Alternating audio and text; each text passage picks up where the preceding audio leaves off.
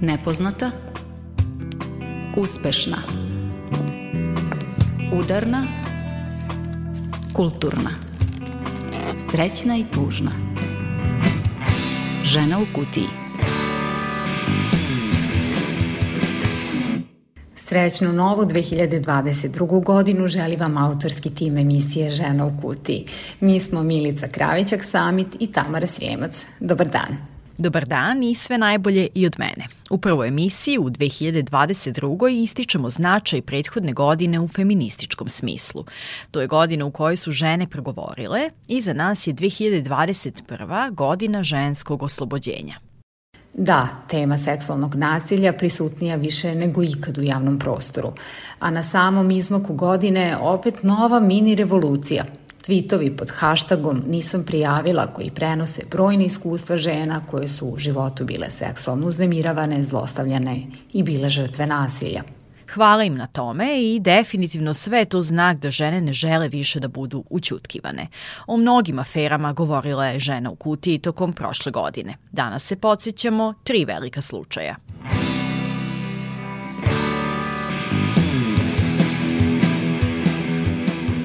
Optužba Milene Radulović, Ive Ilinčić i ostali glumica protiv vlasnika škole glume Miroslava Aleksića slučaje koji je prekretnica u našem pravosuđu i koji je promenio društvenu klimu. Slučaj Palma i potencijalna trgovina devojkama i devojčicama u Jagodini tema je koja sada nema epilog. Podsjećamo se činjenica koje su poznate.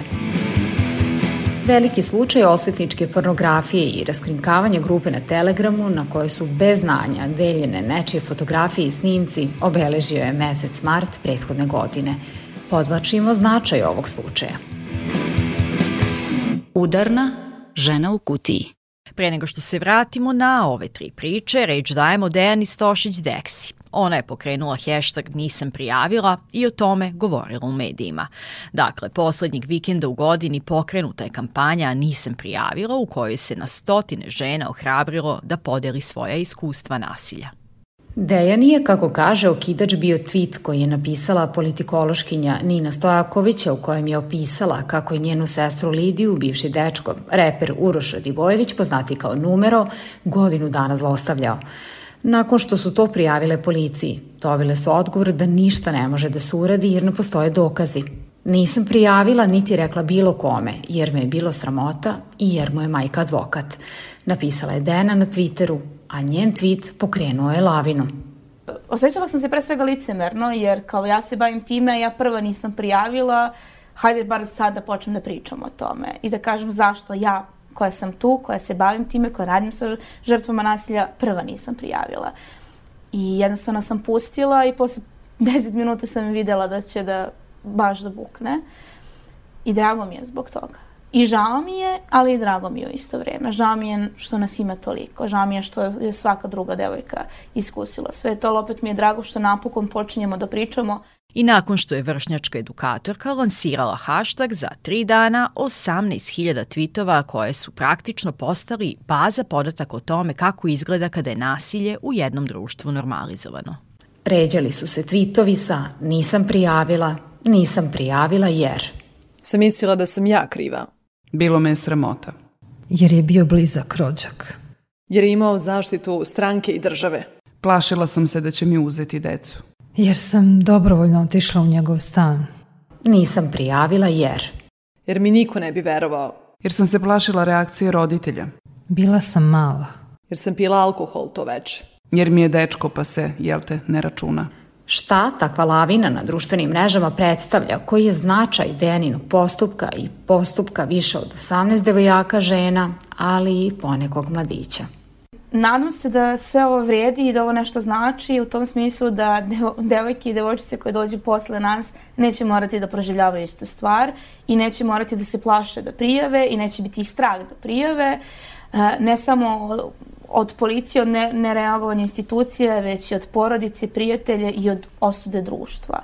Hvala Dejani Stošić što je progovorila u ime svih nas. A šta dalje? Koja su očekivanja od kampanje nisam prijavila. Ja se iskreno nadam da ovo neće biti još jedna od tema za tri dana i da ćemo, ne znam, četvrtak se zaboraviti na ovo, već da ljudi znaju da žene ovo doživljavaju svaki dan, ceo dan. To je naš život, to je naša realnost.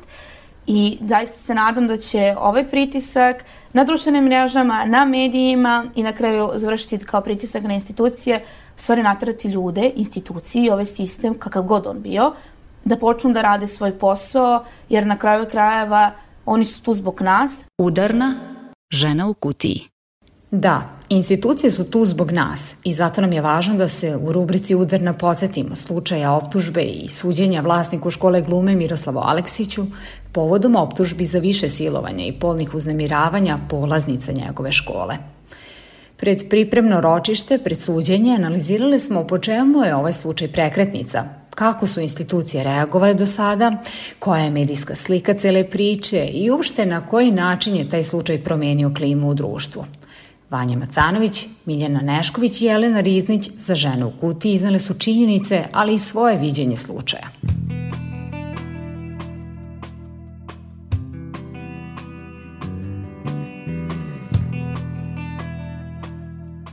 Na pripremnom ročištu Aleksić se izjasnio da nije kriv povodom optužbi za koje se tereti, a potom je utvrđeno koji će se dokazi izvoditi tokom suđenja.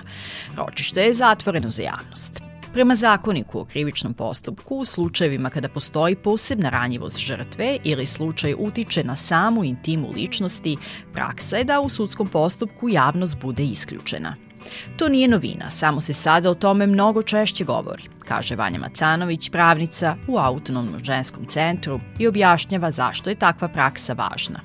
Pošto se e, radi o takvom delu u kome neko treba da priča o svom najlošijem seksualnom iskustvu. Treba nekome da ispričate o najgorem seksualnom iskustvu koje vam se u životu desilo, a da ispričate samo i, i prijateljici, pa bi vam bilo neprijatno. A zamislite da to sad treba da pričate jedne ogromne prostorije u jednoj sudnici, znači da tu imate troje sudije, imate tužioca, imate branioca, imate tog, nažalost, i osumnjučenog ukoliko ne bude udaljen iz sudnice po nekom drugom osnovu. I sad još kad bi imali ono tu javnost i publiku sad da sve to sluša stvarno ne ide. Znači dovoljno im je teško i sa ovim brojem, minimalnim brojem osoba koji je opet mnogo veći od, od jedne. Krivični postupak inače ima svoje trajanje i žrtvama praktično ne dopušta da izađu iz svog traumatskog iskustva, dodaje Macanović. Da se stalno ovim svedočenjima, koje su nažalost neophodne da bi neko bio osuđen, se vraćaju u traumu, vraćaju u traumatsko iskustvo. One moraju da iznova i iznova potvrđaju ono šta im se desilo I to je ono što u svetu se rešava na, na drugi način, a to je da se i izjava koju one daju, žrtve ovakvi krivični dela daju u tužilaštvu snima. Pa se onda to pred, pred sudom na glavnom pretresu pušta snimak. Onda žrtva samo odgovara na, na dodatne pitanje, ne mora iznova da ponavlja ceo iskaz. Mi još nismo dostigli taj, nažalost, nivo kada je u pitanju zaštita žrtava. Neki nivoji nisu dostignuti, ali slučaj Aleksić pokazuje da neke promene jesu moguće. I zato ovaj slučaj Vanja Macanović ocenjuje kao prekretnicu. To je prvi slučaj u kojem je neko optužen za silovanje i druga dela seksualnog nasilja, a da prijava nije učinjena odmah, nego tek nakon nekog vremenskog perioda.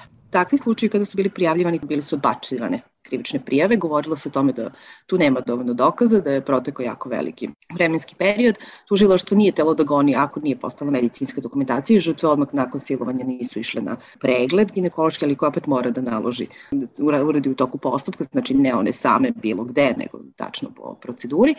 I tada čak je moglo da se desi da nema ovaj, dovoljno dokaza, ali nikada nismo imali u praksi to da je prihvaćeno da se goni slučaj iako nije rađen znači taj ovaj ginekološki pregled i da su prihvaćeni veštačenje veštaka koji su ustanovili da žrtve silovanja i seksualnog nasilja u ovom slučaju imaju ozbiljne psihološke posledice. Da su dugo vremena nakon što im se to desilo, znači obraćale se terapeutima, išle na razne terapije. Tako da činjenica da više tužilaštvo optužilo i postupak je otišao pred sud, jedna stvarno velika prekretnica i pozitivan pomak za i ostale žrtve nasilja.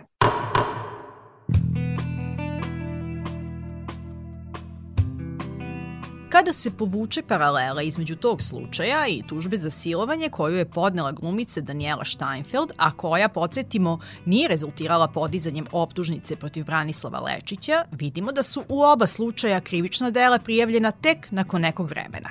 Vanja Macanović objašnjava razliku. Jeste to da ovde imamo više žrtava koje ponavljaju isti način vršenja ovog krivičnog dela. Došlo je to ozbiljne zloupotrebe poverenja, te zloupotrebe moći, odnosa autoriteta koji je Nika Aleksić imao u odnosu na, na svoje učenice, tako da to je dovelo do toga da ovde dođe ipak do optuženja, zato što pokazuje jedan, kako da kažem, modalitet ustupanja onoga koji je sumnjičen za ovo krivično delo.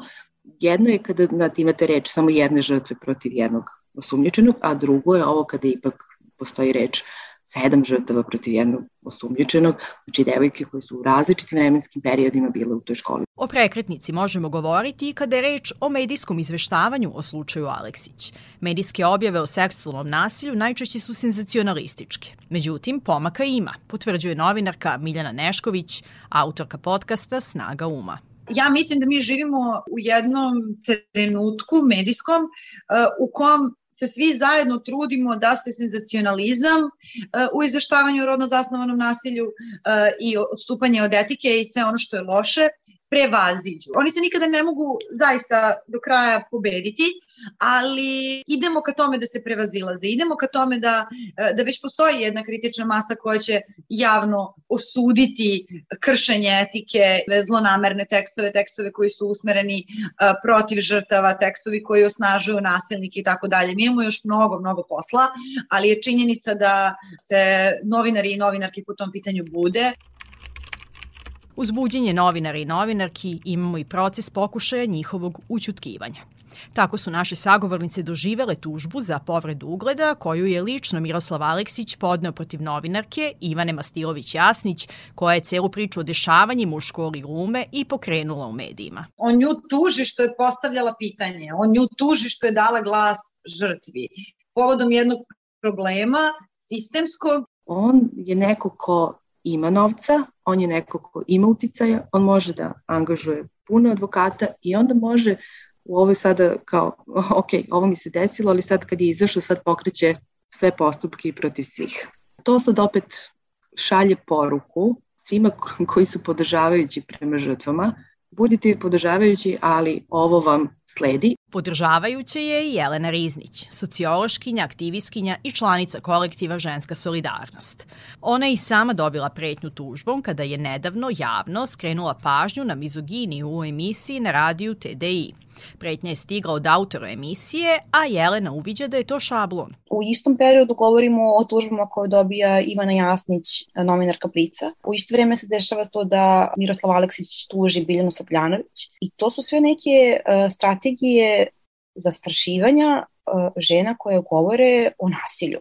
Dakle, vi onda prebacujete odgovornost i prebacujete lopticu na žene koje su progovorile o nasilju. Ovakva praksa aktivistkinjama AŽC-a odavno je poznata. Vanja Macanović podsjeća na to da žrtvama koje prijavljuju silovanje gotovo uvek počinilac preti da će ih tužiti za lažno prijavljivanje.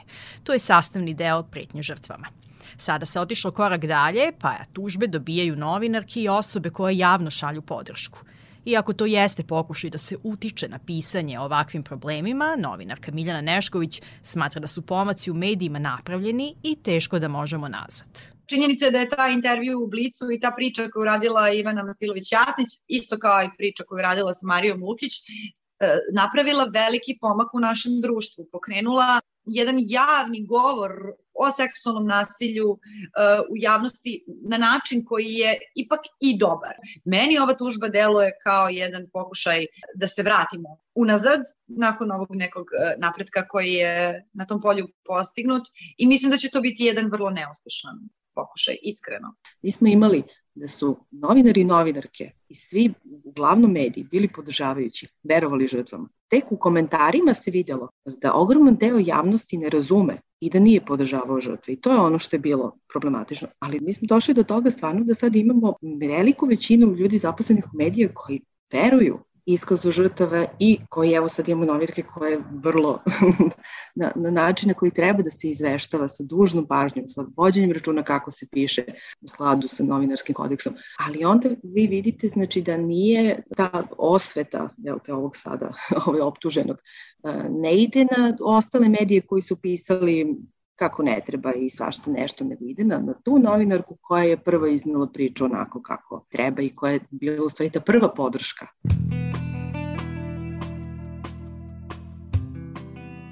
Manjak podrške i sistemski problem jeste i pojavljivanje informacija u medijima koje bi trebalo da ostanu poznate samo institucijama. Iako uglavnom ima pohvale na rad višeg tužilaštva u slučaju Aleksić, Vanja Macanović kaže da takozvano curenje informacija ne sme da se desi. Nedostajalo višem tužilaštvu koje je ovaj slučaj sprovodilo istragu, da port parol višeg tužilaštva izađe u javnost i kaže aha, desilo se to i to i daje kratke informacije. Jasno je da ovo medijski slučaj koji privlači jako puno pažnje i zbog toga institucije ne treba da dozvole da u javnost izađu informacije koje su neproverene, da u javnost izađu informacije koje ne bi smele da, da izađu. I zatak je tužilaštvo da kontroliše koje informacije mogu da izađu i na koji način treba da budu saopštene. Ali morali su imati tu vrstu proaktivnog odnosa sa medijima. Isti zadatak sada je pred sudstvom, dodaje Vanja Macanović, i podsjeća na slučaj Daniele Steinfeld i curenja informacija iz institucija u javnost. Ceo sadržaj njene izjave u tužilaštvu dospe u javnost, a garantovano je bilo ovaj, da, da se to neće desiti, ali e, nažalost mi opet nemamo, kako da kažem, sistem u kome će kada se tako nešto desi da se sprovede postupak u samom tužilaštvu, bilo gde je policija, odakle izjava procurela u medije, da se vidi ko je tu izjavu dao. Tako da nikada oni koji, da kažem, prodaju bukvalno ono, informacije, rade u institucijama, ne odgovaraju za to. A na odgovornost uvek pozivaju pripadnice kolektiva Ženska solidarnost. Samo ukoliko javno i glasno govorimo o problemima, fenomenu nasilja, ukazujemo na manjkavosti sistema, možemo očekivati boljitak, smatra Jelena Riznić to više nas govori o tome to sve manje institucije mogu da žmure. Ja ne mislim da su institucije sad neki fundamentalni izraz ono ženskog oslobođenja i kao e, sve što je potrebno jeste da institucije rade svoj posao. Mislim, naravno to jeste važno, jeste jedan korak ka ženskom oslobođenju, ali ne mislim da je to sve. Ali one jesu važne i jesu nezaobilazne onda kada govorimo o nasilju prema ženama. Dakle, bilo kom tipu nasilja prema ženama. Šta mi možemo osim da prosto prijavimo i da ono, da, da, da očekujemo da, da će pravda biti na, na našoj strani. Važno je biti na strani žrtava, ukazuje Jelena Riznić, zato što u našem društvu i dalje je izražena ideologija neverovanja ženi. Učene smo da je ono bolje da, da ćutimo i da je strašnije što ćemo mi da govorimo o seksualnom nasilju nego što se ono zapravo dogodilo.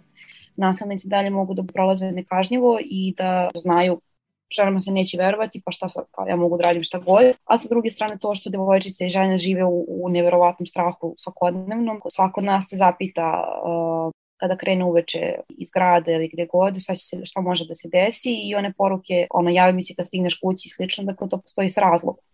Sveukupno ta ideologija neverovanja ženama jeste nešto što na svakodnevnom nivou uh, urušava kvalitet života žena, a utoliko gore jer znamo da je ta kultura, odnosno ideologija neverovanja ženama uh, nije nešto što se država samo na nivou nekih uh, neformalnih društvenih odnosa, nego jeste deo i društvenih institucija i to je ono što je zapravo najveći problem. Upravo zato ona odlazi ispred institucija i poručuje verujem ti. Bila je ispred suda u Kruševcu tokom svakog ročišta da podrži Mariju Lukić, slala istu poruku tokom emitovanja filma Daniele Steinfeld, bila je i ovog meseca ispred Palate pravde da podrži Milenu Radulović i ostale glumice. Mi smo došli pred Palatu pravde i su tako neki novinari prilazili i pitali a što ste vi danas ovde? Jeste vi kao, jeste vi drugari Milanini ili ste, ili ste neki rođaci ili prosto nemoguće da ti samo kao o, eto, e, aktivistkinja ili obična žena želiš da podržiš drugu ženu u svemu tome što joj se dešava, nego prosto moraš na neki način da budeš povezana sa njom. A o tome da i institucije mogu da učine da se žena oseti samom i bez podrške govori Vanja Macanović iz Autonomnog ženskog centra. Pre slučaja Aleksić najčešće smo imali praksu da žena, kada posle određenog vremena odluči da prijavi silovanje, ne dobije ono čemu se nadala. Vama institucije kažu mi vama verujemo, ali to neće proći. Kao da im se svali novi osjećaj krivice, zašto nisu prijavile na vreme. Jer da su prijavili na vreme, to bi bilo procesuirano, ali pošto nisu prijavili na vreme, onda to ne može biti procesuirano. E sad, na ovom slučaju vidjet ćemo da li nešto što nije bilo prijavljeno, onda kada se desilo nego sa određenom vremenskom distancom može biti procesuirano. Osuđivački narativ i kreiranje atmosfere u kojoj se ne veruje žrtvi neguju tabloidi. To objašnjava novinarka Miljana Nešković jer sve te stvari i sve te floskule, zašto se nije javila ranije i tako dalje, to su sve ti neki nasilnički narativi koje možemo da vidimo na društvenim mrežama, možemo da vidimo uh, u tabloidima, ali to je ono što žene mogu da čuju i u kućama, E, I to je jedan model zastrašivanja koji je naučen, koji je, da kažem, šablonski. Vi imate e, novinare, e, urednike tabloida, nekakve javne ličnosti, čak i poslanike u Narodnoj skupštini koji izgovaraju iste te rečenice koje po kućama izgovaraju nasilnici kada hoće da e, zastraše žrtvu jedini pravi odgovor na to, jedini protiv otrov za, za nešto što je toliko problematično i toliko štetno, jeste ta poruka da nisi sama. To je mnogo, mnogo važna poruka, jer svaki nasilnik teži tome da se ona zauvek osjeća samom i da je učini samom. A tome su doprineli upravo glasovi Marije Lukić, Daniele Steinfeld, Milene Radulović, Ive Ilinčić, devojaka iz Petnice. Sada češće i glasnije čujemo poruku nisi sama i zid ćutanja je probijen. I zaista osjećam nekakvu vazduhu, drugačiju energiju, kažem, odnosno na tu 2019. kada se dešavalo sve sa Marijom Lukić. Tako da zid ćutnje je nepovratno probijen, e, pri čemu ni do sad kao žene nisu ćutale, nego su bilo ćutkivane. I novinarka Miljana Nešković kaže da je evidentno da se menja klima u društvu, pa čak i u tome kako se izveštava o ovoj temi generacija novinara i novinarki koji su danas aktualni će imati mnogo loših stvari koje će ostaviti iza sebe medijski gledano, ali možda bi to moglo da bude jedna dobra zaoštaština ove naše generacije. Što smo nepovratno pokrenuli taj talas prevazilaženja senzacionalizma u, u ovom smislu. A kakav će na kraju biti sudski postupak i presuda. Vanja Macanović pohvaljuje dosadašnji rad institucija i policije i tužilaštva i nada se i daljem profesionalizmu. Za sada je međutim izvesno samo jedno. Neće biti lako. Veći višćeg suda koje je dobilo ovaj slučaj, to je jedna novina. Vidjet ćemo kako će se i oni snaći sa svim dokazima i kako će uopšte sad ići taj postupak, on stvarno neće biti laka i ono što nam je potpuno jasno to je da, da će sigurno biti drvlje i kamenje po ovim devojkama, ići će na to da ih maksimalno unizi kao osobe, što inače, nažalost, u ovim slučajima dešava da vi prikazujete žrtve silovanja i seksualnog nasilja kao da su one to tražile, da su one bile promiskuitetne, da su one kao sve najgore što možete da govorite o nekoj devojci i to će sigurno se dešavati i neće ovim devojkama biti lako da to slušaju, znate, sve te ružne stvari o sebi, ali ja se divim ono, njihovoj hrabrosti da oni ipak istraju, da uđu u ovo i da e, nastave dalje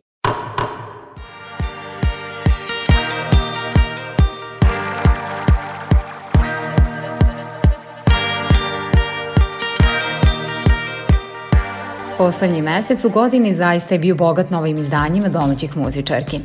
Beogradska Sana Garić predstavila je novi album Naočare za srce. Kako je rekla, na jedan simboličan način, sam naziv albuma poručuje šta mislim da nam je svima potrebno u vremenu u kom se nalazimo.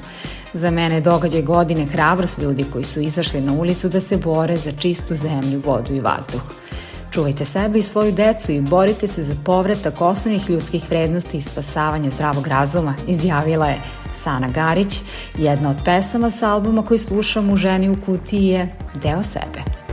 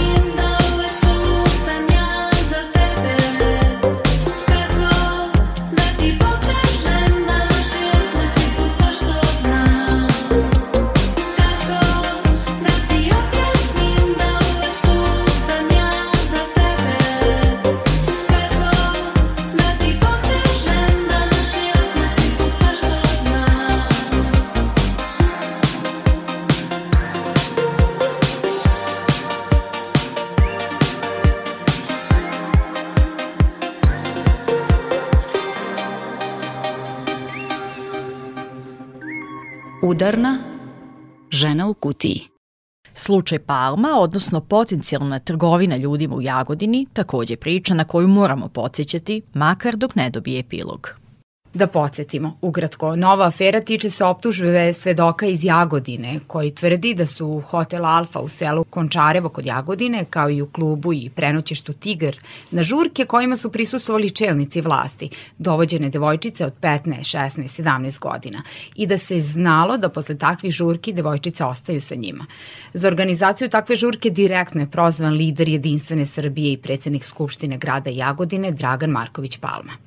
Lider Jedinstvene Srbije negirao je sve optužbe i naveo da tužilaštvo ne mora da troši papir za pozive, da će sam podneti zahtev da se slučaj ispita. To se i desilo. Dan nakon što su Srbiju potresle tvrdnje o umešanosti predsednika Skupštine opštine Jagodine u navodno podvođenje mladih devojaka, više javno tužilaštvo u tom gradu počelo je proceduru ispitivanja okolnosti i prikupljanja svih neophodnih informacija. Umeđu vremenu došlo je najpre do razotkrivanja identiteta svedoka, zatim objavljivanja i najave novih svedočenja. Zatim su 393 žene iz Jagodine pokrenule krivičnu prijavu protiv Marinike Tepić koja je ceo slučaj pokrenula u javnosti. I kao što to obično biva, fokus priče premešten na politička prepucavanja. U ženi u kutiji upravo ne želimo da se bavimo tim prepucavanjima, u fokusu su nam kao i uvek žrtve. Na osnovu onoga što je bilo u medijima i izjave potencijalnog svedoka, svedoka čini se da se radi o organizovanom lancu trgovine ljudima, kaže Kristina Piskulidis iz nevladine organizacije Astra. Dobra stvar, dodaje ona, je to što više javno tužiloštvo u Jagodini formiralo predmet protiv Dragana Markovića Palme na osnovu izjave svedoka, navoda u medijima i njegovog iskaza. Dalji postupak institucija je da utvrdi šta je od toga istina.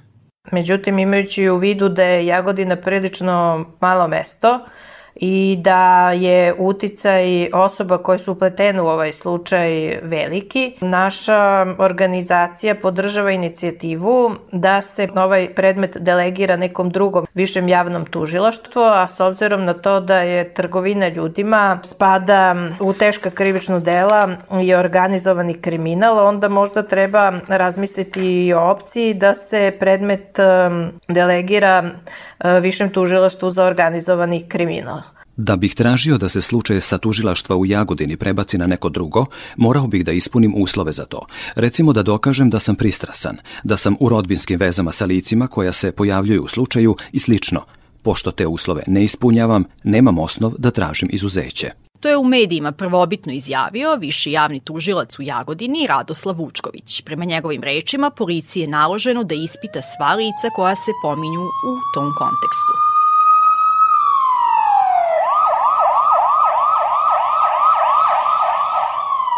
Dan nakon te izjave apelacijono javno tužilaštvo u Kragujevcu po predlogu za substituciju Višeg javnog tužilaštva u Jagodini ipak je odlučilo da za postupanje u tom predmetu ovlasti Više javno tužilaštvo u Kraljevu. U nevladinoj organizaciji Astra poručuju da je u ovom slučaju neophodno primeniti proaktivnu istragu koja se ne zasniva isključivo na svedočanjima žrtve. Zašto je to važno, objašnjava Hristina Piskulidis. To praktično znači da se sam istraživački postupak ne treba svoditi isključivo na iskustva oštećenih, I ovo je rečeno namerno, naročito imajući u vidu da govorimo o devojčicama starosne dobi od 15 do 18 godina. Njih treba zaštititi od dodatne traumatizacije u čitavom ovom procesu Zato što prema nekim našim nalazima žrtva trgovine ljudima onog trenutka kada uđe u sistem, ona svoje svedočenje, odnosno iskaz da pred različitim instancama treba da ponovi minimum sedam puta. Svako to ponavljanje, naročito pred nepoznatim ljudima, je vrlo traumatično. Da je svedočenje traumatično iskustvo, potvrđuje i psihološkinja Ivana Perić iz SOS ženskog centra. Proces svedočenja je veoma bolan za žrtve iz razloga što i prorađuju iznova svoje traumatske iskustva koje nisu dovoljno zaceljena i integrisana. U momentu kada se žrtva obraća za podršku i pomoć, veoma je ranjiva kada prvi put progovara o seksualnom nasilju, izuzetno je ranjiva ako dolazi do zastraživanja, nepoverenja, ukoliko se ponovo demonstrira moć nad njom, a, to nju podsjeća duboko na samu traumatsku situaciju koja je sama moć bila oduzeta i samim time može direktno da pošalje poruku, što je veoma štetno za žrtvu zapravo, da njenu priču neće čuti, da neće verovati i voditi tome e, da se zapravo ona povuče. Zbog svega toga, prema našem zakonu, propisano je da deca koja su žrtve ili potencijalne žrtve trgovine ljudima treba najviše dva puta da daju iskaz i da dobiju status posebno osetljivog svedoka ukoliko odluče da svedoče, podsjeća Hristina Piskulidis a to znači da imaju mogućnost da svedoče iz prostorije koja je sa samom sudnicom povezana video linkom, a da pri samom svedočenju nema direktnog sučeljavanja sa počinjocem krivičnog dela. E sad, problem sa našim sudovima je taj što veliki broj sudova nema tu tehnološku opremu, to je jedna stvar, a druga je što vrlo često se ta činjenica da žrtvama trgovine ljudima, a naročito deci, vrlo često se prosto taj status posebno osetljivog svedoka ne dodeljuje. Uz sve to, često smo svedoci i svedokinje da se žrtvama ne veruje, kaže psihološkinja Ivana Perić. Ovo je četvrti slučaj seksualnog nasilja koji je poslednjih godinu dana odjeknuo u javnosti. Nažalost, mnogo je više onih o kojima se ne govori, a mali procena devojaka i žena koje su preživele seksualno nasilje to prijavi. Još manji broj o tome javno govori, kaže psihološkinja. Ja veoma podržavam javno istupanje kao što je Milana uradila, kao što je uradila Daniela. Podržavam to jer to na neki način pokrene talas da se zapravo o tome ne ćuti i pokrene i da se žrtve ohrabe da prijeve, eh, da se obrati institucije, možda prvi put za pomoć, kada razbimo taj tabu, kada dozvolimo da se o tome govori način na koji o tome treba da se govori, kada mi nazovemo to što se dešavalo i događalo seksualnim nasiljem za koje žrtva nikako nije odgovorna, verujem da to može da ima ohrabrujući efekat, nekako nije nešto što više ostaje u nekoj margini ili u senci. Antitrafiking organizacija Astra apeluje na sve potencijalne žrtve u slučaju Jagodina građana da se jave. Svi pozivi su anonimni, a pozivom na SOS broj žrtve će biti upoznate sa pravima koje im po zakonu pripadaju. Ta prava se ne odnose samo na identifikovane žrtve, nego na sve one koje su potencijalne i u procesu. I oni imaju pravo na besplatnu medicinsku pomoć, besplatnu psihološku pomoć, pravnu podršku, vođenje kroz institucije u smislu pratnje, sugestija, zaštite. I pored svega toga, ukoliko se u sredini u kojoj se trenutno nalaze osjećaju nezaštićeno, naš zadatak je kao društvo u celini i svih institucija, a naročito Centra za zaštitu žrtava trgovine ljudima i specijalizovanih organizacija poput nas i Atine, da e, žrtvama obezbedimo e, siguran alternativni smeštaj. I bitno je da žrtve tokom celog procesa imaju vremena i za refleksiju, i za odmor, i za smanjenje nivoa traume i da nakon toga samostalno donesu odluku da li će učestvovati u istražnom i sudskom procesu Uz podršku koju moraju slati institucije i organizacije za ljudska prava, podrška mora stići od celog društva. I to u vidu poruke verujemo žrtvi. Nikada nije kasno da se potraži pomoć, kaže Ivana Perić iz SOS ženskog centra. Mi smo društvo koje je visoko tolerantno na nasilje jedinog doslovno slanje poruka da ne krivimo žrtvu, da krivimo ono ko nasilje čini, da je nasilje krivično delo, možemo zapravo voditi jednoj dubljoj promeni i jednoj sigurnoj i bezbednoj sredini za sve nas. Mi svi zajedno, društvo u celini, ne smemo da dozvolimo da se ovo svede na samo još jedan politički skandal, već odgovorne osobe, ukoliko su navodi tačni, moraju da odgovaraju i ovo je bukvalno situacija u kojoj je čitavo društvo na ispitu.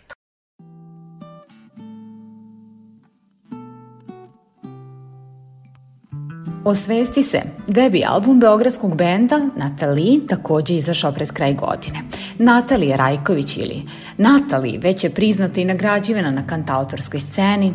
Uz njen autentičan glas i gitaru tu su tekstovi koji nam prenose perspektivu mlade žene koja je svesna gde živi i sa empatijom gleda na ljude oko sebe. Slušamo prvi plan. Dođi u prvi plan ljubavi, ostani nasmejan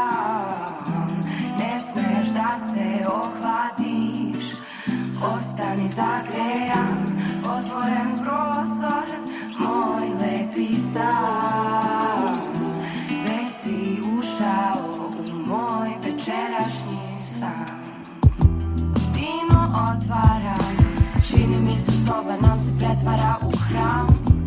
Sunce propada, osjećam da živ je stari grad. Ispod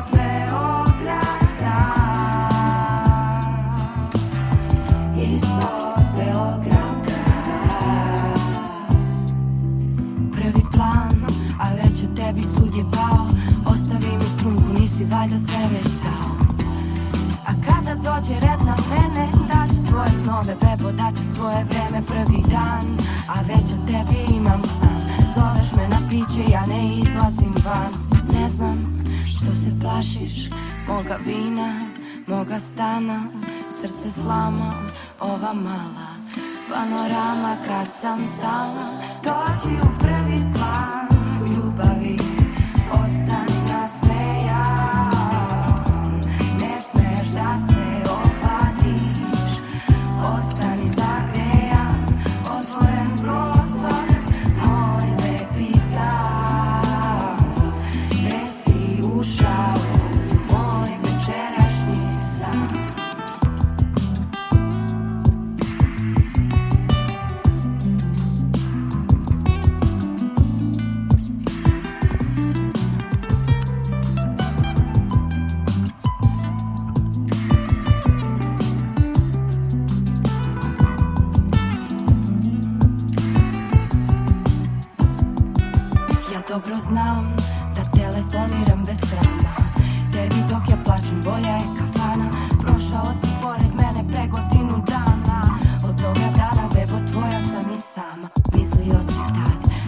misliš to i sad.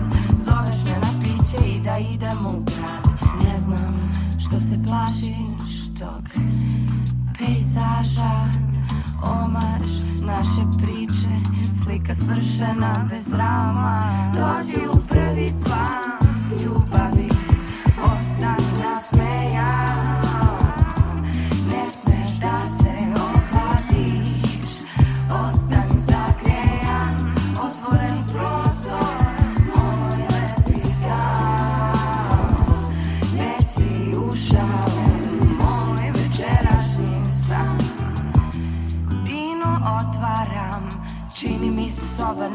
pretvara u hram. Sunce propada Osjećam da živ je stari grad. Ispod Beograda. Ispod Beograda.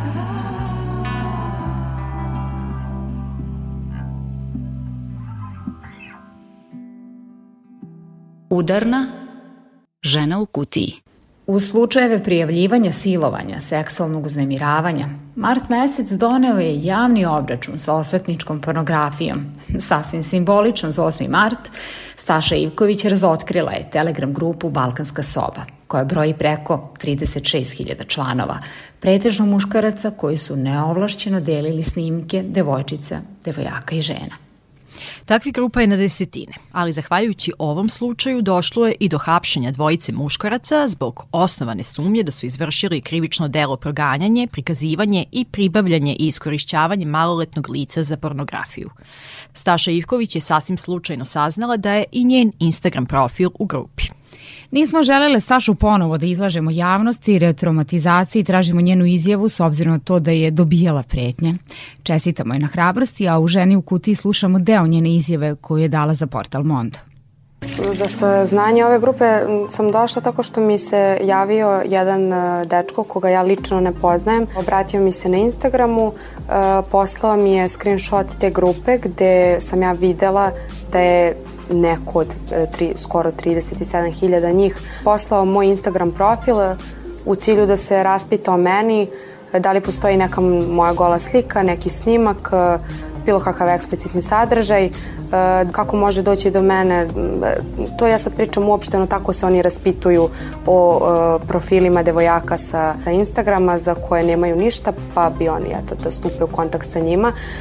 Pita se za cenu, da li upražnjavamo seks za novac, kako se najbrže, najlakše može doći do nas i tako dalje i tako dalje, gde se daje i mesto stanovanja tih devojaka, brojevi telefona, razmenjuju se iskustva koja je kakva, citiram njih, koja je najlakša, koja je eto toliko laka da mogu slobodno da je, citiram opet njih, razrade. Kada je Staša to objavila na Twitteru, slučaj je izašao iz tame. I opet jedna žena pokrenula lavinu. Javile su se mnoge devojke koje su delile svoja iskustva. Ženske platforme i kolektivi su se udružili da podrže Stašu i da se obračunaju sa ovim postupcima. Ti si Tamara u svojoj priči stavila akcent baš upravo na to, na feminističke kolektive u virtualnom i stvarnom svetu koji se obračunavaju, pa između ostalog i sa osvetničkom pornografijom. Kakve kampanje vode sestre na mim stranicama i generalno društvenim mrežama, ženska solidarnost, tovarijum, ženska posla, profil kritički, ali na prvom mestu i autonomni ženski centar koji je, kada je reč o ovoj temi, aktivan više od pet godina. Da, za početak definišimo osvetničku pornografiju. Nataša Elenkov iz feminističkog kolektiva Ženska solidarnost nema dilemu. To jeste nasilje nad ženama. To je seksualno uznemiravanje i oblik digitalnog nasilja neovlašćeno i bez pristanka deljenje fotografije i snimaka koje su poslate nekome u poverenju.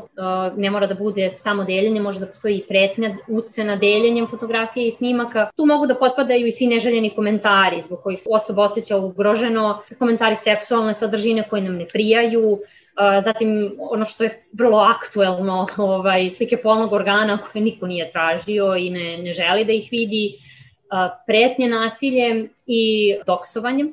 Doksovanje podrazumeva objavljivanje ličnih podataka osobe. To deluje naivno, međutim vrlo nije, jer može da pokrene dalji, dalji vid nasilja i dalji vid pritiska na osobu. Kako kaže Nataša Elenkov, nijedan vid nasilja ne dešava se u vakumu, nego u razrađenom patrihalnom sistemu gde je cilj poniziti žrtvu. Kod osvetničke pornografije to je posebno izraženo. Uz to ide osuda javnosti, ali ne nasilnika, nego žrtve. Ovo prevazilazi pitanje individualne odgovornosti. Ovde je reč o sistemskoj mizoginiji. Ako vi imate u jednoj grupi 36.000 muškaraca, u drugoj 25.000, to su manji gradovi. To prevazilazi pitanje poverenja, da li je neko imao, pa, pa je to poverenje iznevereno. Ovde je reč o jednom široko rasprostranjenom nasilju. da to nisu jedine grupe u kojima su se neovlašćeno delile tuđe fotografije i snimci i da je osvetnička pornografija široko rasprostranjena, svedoče Nataša Jelenkovi Ženske solidarnosti i Bojana Kovačević, jedna od administratorki Facebook stranice Ženska posla nisu brojale toliko članova, brojale su svega možda 200, 200 ovaj, članova, ali su bile vrlo lokalne i u njima su recimo muškarci fotografisali devojke na ulici, na plaži, u supermarketima i onda su se raspitivali za njihove kontakte, ko imena i tako dalje, baš, baš onako jeziva situacija. I Burek forum i razni, razni, razni ćoškovi interneta na Krstarici je ranije e, to bilo dosta aktuelno. Takođe su aktuelni e, i Instagram profili takozvani spotted, gde vide neku, neku ženu stave sliku, kreću da se raspituju o njoj, sve to spada pod vid zastrašivanja i sve to spada pod nasilje. I sve to ostavlja ogromne posledice na žene, dodaje Nataša Elenkov. U 90% slučajeva žena se stavlja na stup srama, u medijima se relativizuje trauma, a sve to osobu gura u depresiju i anksioznost, objašnjava ona. Postoji Veliki broj istraživanja, mislim da je najskorije proveo Evropski ženski lobi, koje pokazuju da se kod žrtava osvetničke pornografije drastično povećava šansa da izvrše samoubistvo ili da razmišljaju i budu u tom okovu razmišljanja o samoubistvu. A, posledice koje osjete žrtve su zaista ogromne. To je život u, sa osjećajem konstantne nebezbednosti. Tu više nije pitanje da li će one biti prepoznate, kako će odreagovati njihovo najbliže okruženje, da li škola, fakultet ili ukoliko traže posao, reč je o pre svega psihičkom zlostavljanju, koje one prođu prvo zato što je poverenje iznevereno, drugo kroz osudu okoline, a, ukoliko se odluče i skupe snagu da uđu u proces i da tuže, a, često predstavnici institucija nisu dovoljno senzibilisani za rad s žrtvama i to je jedan zaista a, mučan proces.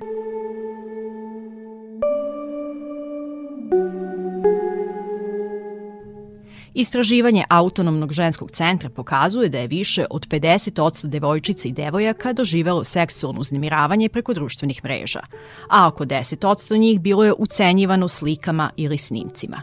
Aktivistkinje AŽC već duže od 5 godina traže izmenu našeg krivičnog zakonika, odnosno da se slučajevi osvetničke pornografije gone po službenoj dužnosti, a ne po privatnoj tužbi, i da se povećaju kazne za počinioce. Dok je na žrtvama da one obezbede dokaze da bi podneli privatnu krivičnu prijavu za koju, koju vi, kako kažem, kao privatni krivični tužilac zastupate ono, tu optužbu pred sudom i to ne možete raditi sami, morate da imate advokata, to je onda skup postupak, a pritom ne možete ni kad ste sami, kad ste žrtva da obezbedite dokaze do kojih mogu da dođu policije i tužilaštvo. Znate, u smislu, aha, da stvarno mogu da izuzmu nečiji laptop, izuzmu nečiji onog, telefon ili neko drugo sredstvo preko koga je postavljen taj snimak, pa da se uzme taj dokaz, da se vidi da je stvarno ta osoba postavila snimak.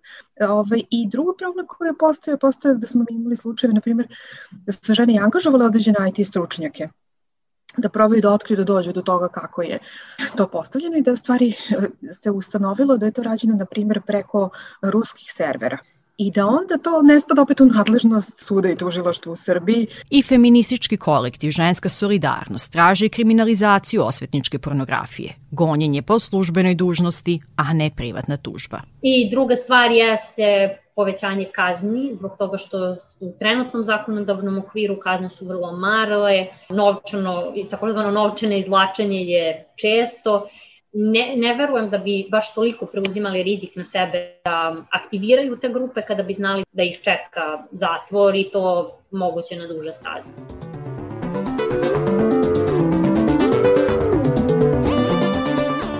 E, koliko te grupe nisu naivne, pokazuje i činjenica da je, su tamo deljeni snimci silovanja. Tamo je deljena dečija pornografija, tamo su deljene snimci maloletnih lica, fotografije maloletnih lica uopšte nije bitno sada da li su one poslate u poverenju ili to ne, negde procurilo, ne, šta god. Zbog toga je jako važno da se ne zaustavimo samo na zakonu, nego na senzibilisanju čitavog sistema, pre svega kroz obrazovanje i pre svega fokusom na tinejdžere i tinejdžerke, kako da se zaštite na internetu a problema koje treba rešavati, a koje naša država ignoriše, ima mnogo, kaže Vanja Macanović, pravnica u Autonomnom ženskom centru. Čak i kad je donošena strategija vezana za visokotehnološki kriminal, znači žene su potpuno izostavljene iz te strategije. Uglavnom je visokotehnološki kriminal je baziran na istraživanju ovo pronevera i zloupotrebe kartica, elektronskog plaćanja i svih tih ostalih stvari. Nešto malo ima vezano ovaj, za decu i zloupotrebe dece na internetu, Znači žene, ovo, osvetničke fotografije i sve ovo drugo, ne postoji u toj strategiji. Ženske organizacije su bile potpuno isključene kada je ta strategija kreirana. Tako da zato mi imamo ovo sad što imamo. I zato je hapšenje administratora pomenute Telegram grupe mnoge iznenadila. Bojana Kovačević kaže da je prijatno iznenađenje reakcijom policije i resornog ministarstva koji su ovome što se desilo prepoznali realnu opasnost po žene, devojke, devojčice. Sa njom je saglasna i Nataša Elenkov hapšenje je samo početak. Mislim, bilo mi je nekako i logično kada sam videla da je uhapšen administrator grupe Nišlike konkretno, zato što smo imale uvida u to da se konkretno u toj grupi pojavljuju i fotografije na kojima se nalaze vrlo očigledno maloletne devojčice od svega 10-11 godina, ne znam, u svakom slučaju osjećala sam se dobro zato što mi je bilo, napokon sam osetila da e, nešto što se dešava u online svetu može da se prelije i na offline svet. Ovo je vrlo značajno jer pokazuje da zapravo žrtve mogu da računaju na institucije. U pružanju podrške žrtvama osvetničke pornografije i podizanju vidljivosti tog problema aktivan je i Instagram profil Kritički, koji prati preko 50.000 ljudi. I Nikolina Pavićević, koja stoji iza tog profila, kaže da je nakon vesti o hapšenju osetila olakšanje. Zato što sam vidjela da nadležni napokon kreću da reaguju.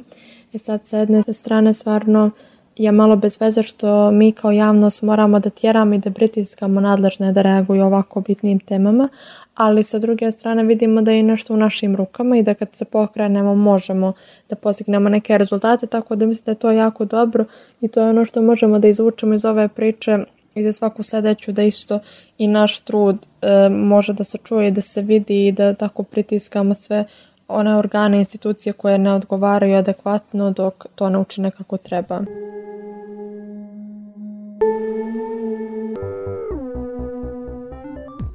Ovo jeste veliki pomak, kaže i Vanja Macanović iz Beogradskog autonomnog ženskog centra. Ali baš zato što je tako ogroman broj žena čije su fotografije i snimci bez njihovog znanja završili na internetu.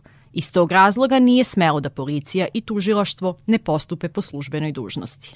Ali u pojedinačnim slučajevima, žalost, mi ne vidimo da se postupa onako kako bi trebalo da se postupa, ali s jedne strane, to, do, kako kažem, krivica stoji na tome kako je delo ono, regulisano i inkriminisano, to je da mora da se ide u taj privatni krivični postupak. Naš krivični zakonik nema poseban član koji se tiče osvetničke pornografije. Postoji nekoliko članova na koje punoletne žrtve u ovom slučaju mogu da se pozovu.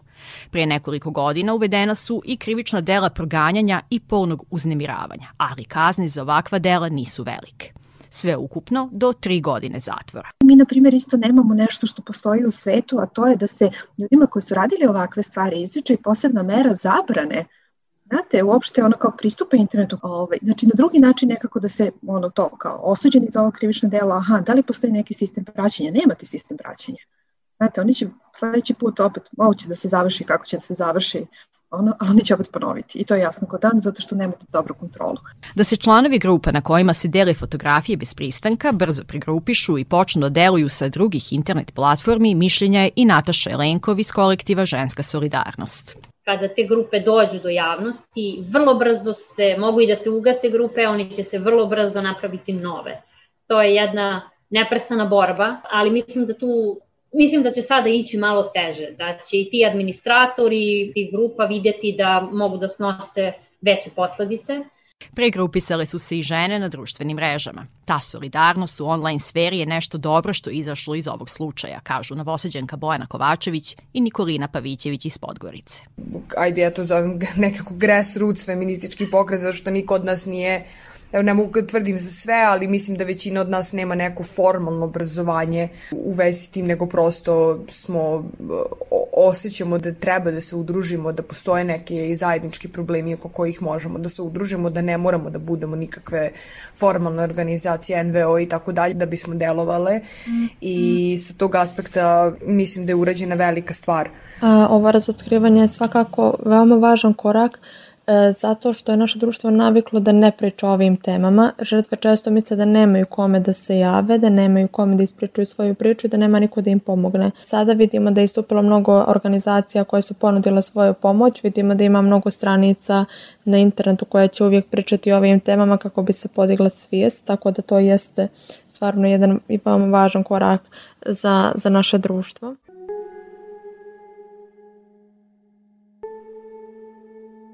Podižu svest o mnogim feminističkim pitanjima, i Nataša, i Nikolina, i Bojana, i mnogi njihove i naše saborkinje u želji da se obračunaju sa normama koje nameće patrihalno društvo.